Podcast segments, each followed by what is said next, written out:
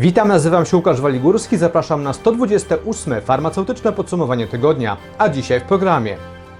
Senat za podniesieniem wynagrodzeń farmaceutów szpitalnych. Szczepienia w aptekach już możliwe. Rekordowy spadek liczby aptek w 2020 roku. Nowe listy leków refundowanych co 3 miesiące. Nie będzie zmian marsz aptecznych na leki refundowane.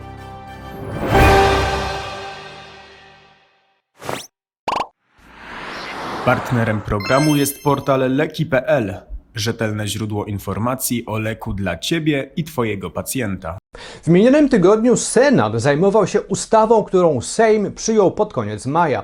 Ustawa ta określa zasady ustalania minimalnych wynagrodzeń niektórych pracowników podmiotów leczniczych, w tym farmaceutów szpitalnych. Nowelizacja ta od początku budziła duże emocje i m.in. pod adresem Ministerstwa Zdrowia padały zarzuty o brak dialogu przy ustalaniu jej brzmienia. Wśród rozczarowanych jej finalnym brzmieniem byli również farmaceuci szpitalni.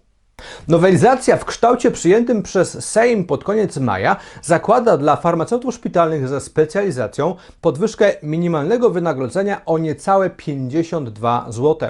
W przypadku farmaceutów nieposiadających specjalizacji ta podwyżka minimalnego wynagrodzenia ma wynieść około 400 zł.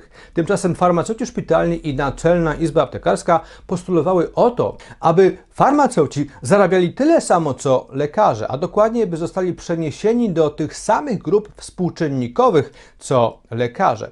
Senat rozpatrując e, w ubiegłym tygodniu tę ustawę, przyjął tymczasem poprawkę, która podnosi współczynniki wynagrodzeń, w tym farmaceutów.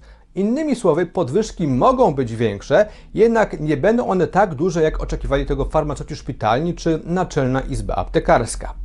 Senat przyjął tę poprawkę, dlatego teraz ustawa trafi ponownie do Sejmu, gdzie o finalnym kształcie ustawy zdecydują posłowie. Wiele wskazuje jednak na to, że w Sejmie poprawka ta nie zostanie przyjęta, dlatego że w Senacie żaden z senatorów PiSu nie głosował za tą poprawką.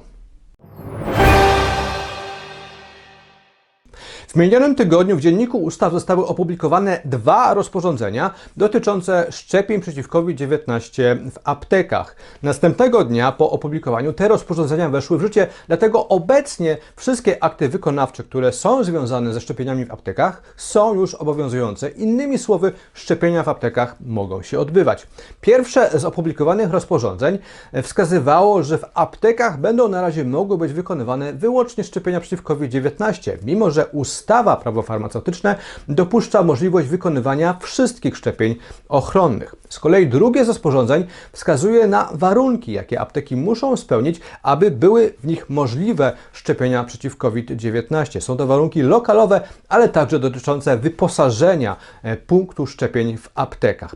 Szczepienia w aptekach będą mogły być wykonywane albo w pomieszczeniu administracyjno-szkoleniowym, albo w izbie ekspedycyjnej. W każdym z tych przypadków szczepienia nie będą mogły przeszkadzać w funkcjonowaniu apteki i wykonywaniu w niej innych czynności. Jednocześnie rozporządzenia określa, że jeżeli w izbie ekspedycyjnej apteki nie będzie możliwe wydzielenie osobnego miejsca na szczepienia, które nie będzie przeszkadzało w normalnym funkcjonowaniu apteki, wtedy tego typu szczepienia w izbie ekspedycyjnej będą się mogły odbywać tylko wtedy, kiedy w aptece nie będą odbywać się inne czynności związane z jej normalnym funkcjonowaniem. Z naszej informacji wynika, że aktualnie Narodowy Fundusz Zdrowia przygotowuje regulamin oraz wzory wniosków, dzięki którym apteki będą mogły zgłaszać się jako punkty szczepień. Ten regulamin oraz wzory wniosków mają zostać opublikowane już w przyszłym tygodniu. W minionym tygodniu firma Grant Thornton opublikowała czwartą edycję swojego raportu dotyczącego rynku aptek w Polsce. Raport ten przedstawia stan rynku aptek w Polsce w ubiegłym 2020 roku. Wynika z niego m.in., że w ubiegłym roku e, zniknęła z Polski największa jak do tej pory liczba aptek, około 800 aptek. Autorzy raportu wskazują, że liczba aptek w Polsce spada systematycznie od roku 2017, gdy wprowadzono aptekę dla aptekarza. Była to nowelizacja prawa farmaceutycznego, która wprowadziła nowe ograniczenia dotyczące otwierania nowych aptek. W rezultacie liczba nowo otwieranych aptek drastycznie spadła.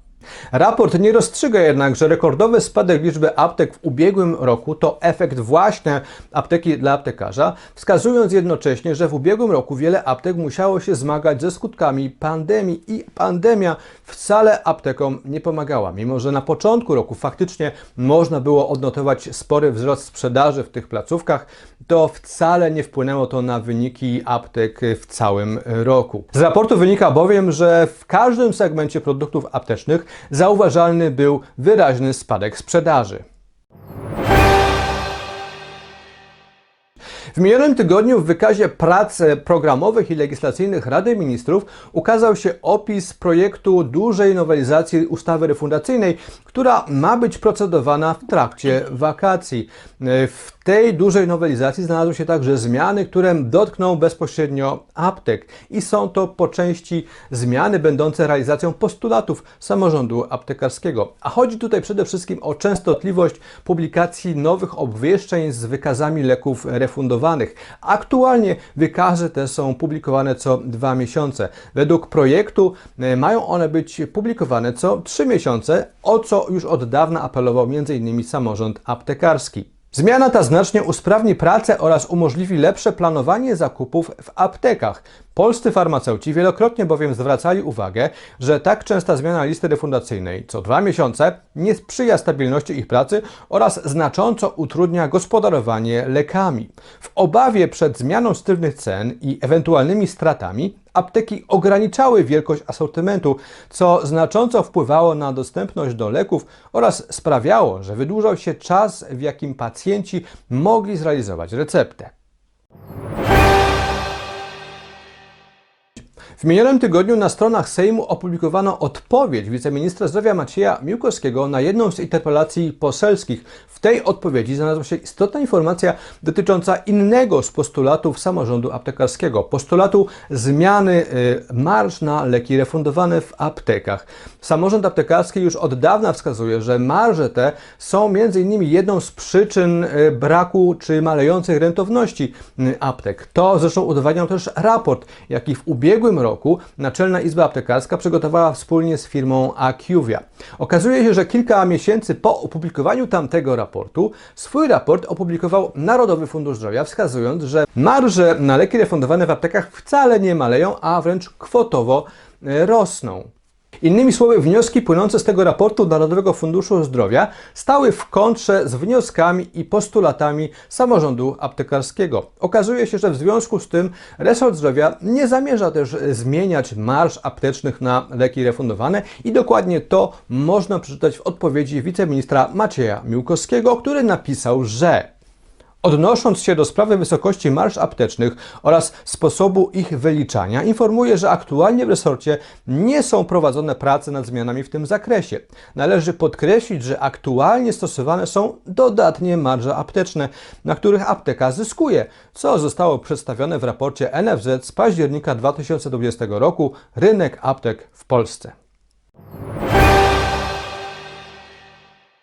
I to już wszystko w tym farmaceutycznym podsumowaniu tygodnia. Bardzo dziękuję za uwagę. Tradycyjnie po więcej informacji z rynku aptecznego, rynku farmaceutycznego zapraszam na portal mgr.farm. Zachęcam też do prenumeraty i czytania naszego magazynu, dwumiesięcznika mgr.farm, który jest największym tego typu czasopismem dla farmaceutów w Polsce, a już wkrótce dostępny będzie jego najnowszy numer. Jednocześnie zachęcam do obejrzenia najnowszego odcinka programu Kwadrans z farmacją, który dostępny jest na naszym kanale na YouTube.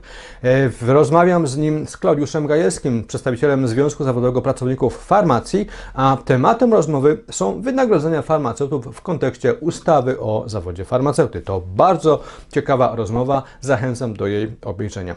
A ja już bardzo dziękuję za uwagę i zapraszam na kolejne farmaceutyczne podsumowanie tygodnia dopiero za trzy tygodnie, bo udaje się na urlop. Do zobaczenia.